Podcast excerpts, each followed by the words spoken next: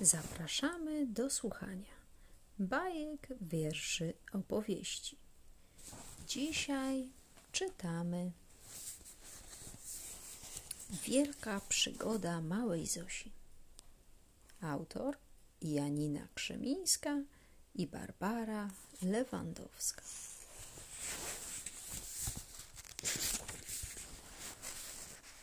Biedronka Kropeczka mieszkała na łące pod listkiem kończyny.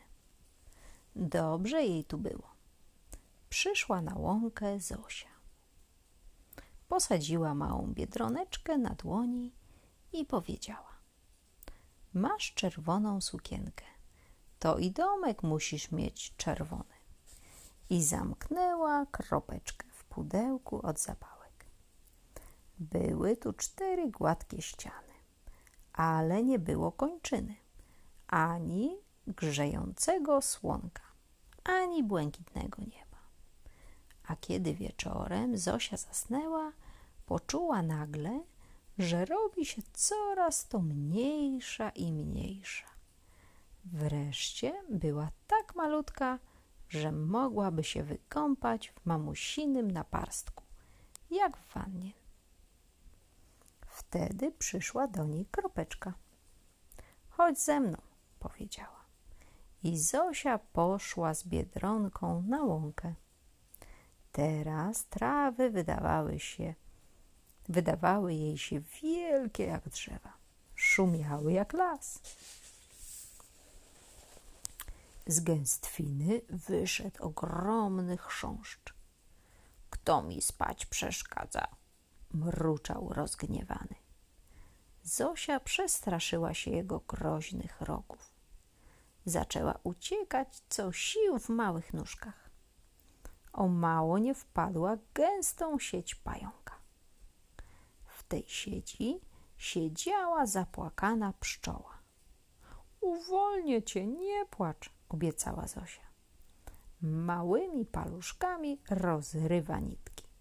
Prędko, prędko, bo pająk może wrócić lada chwila. Oho, już nadchodzi. Z daleka krzyczy. Ja wam dam, ja wam dam. Może sobie krzyczeć. Nic już nie zrobi ani pszczole, ani Zosi. Pszczoła poleciała z Zosią do ula. Strażniczka zaprowadziła je do królowej. Opowiedziała Zosia o całej przygodzie. Bzum, bzum, bzum, zabrzęczała królowa. Jesteś bardzo dzielna, Zosiu, a w nagrodę weź dwa dzbany miodu. Wyszła Zosia z ula, dźwiga dzbany. Miodek pachnie znakomicie. Spróbowała raz i drugi. Nie zdążyła po raz trzeci oblizać paluszków, bo z wielkim szumem i brzęczeniem nadleciały osy łakomczuchy. W mig wylizały dzbany i dalejże gonić Zosię. A żądła miały ostre jak szpileczki. Kto wie, co by się z Zosią stało, gdyby kropeczka nie przybiegła na pomoc. Siadaj mi na grzbiecie, zawołała. Rozwinęła skrzydełka i pofrunęła wysoko. Już mnie nie złapiecie, obrzydliwe osy, cieszyła się Zosia. Zaraz wam pokażę, zyk, zyk, marcheweczka. Podniosła rączki i poleciała w dół. Wpadła w środek ogromnego stawu. Karp, który tam mieszkał, bardzo się zdziwił. Jeszcze takiej ryby nigdy nie widziałem. Może zjeść ją na śniadanie? Nie zjesz karpiu Zosi, bo po wędce już ucieka na powierzchnię wody. Usiadła na listku jak na wysepce i martwi się, kto mi pomoże dopłynąć do brzegu. Ja, powiedział nartnik. Przecież umiem zsunąć po wodzie. siadła Zosia nartnikowi na grzbiecie. Za chwilę była na brzegu. Spotkała tu pracowite mrówki. Co robicie? spytała. Ale mrówki nie miały czasu na rozmowę.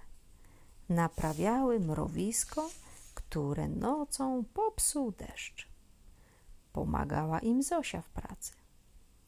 A potem pokazały jej mrówki całe mrowisko. Taki był tam ruch i gwar, jak na ulicach prawdziwego miasta. Najbardziej podobał się Zosi żłobek. Tu wylęgały się z jajeczek małe mrówki. Opiekowała się nimi Zosia, dopóki nie podrosły.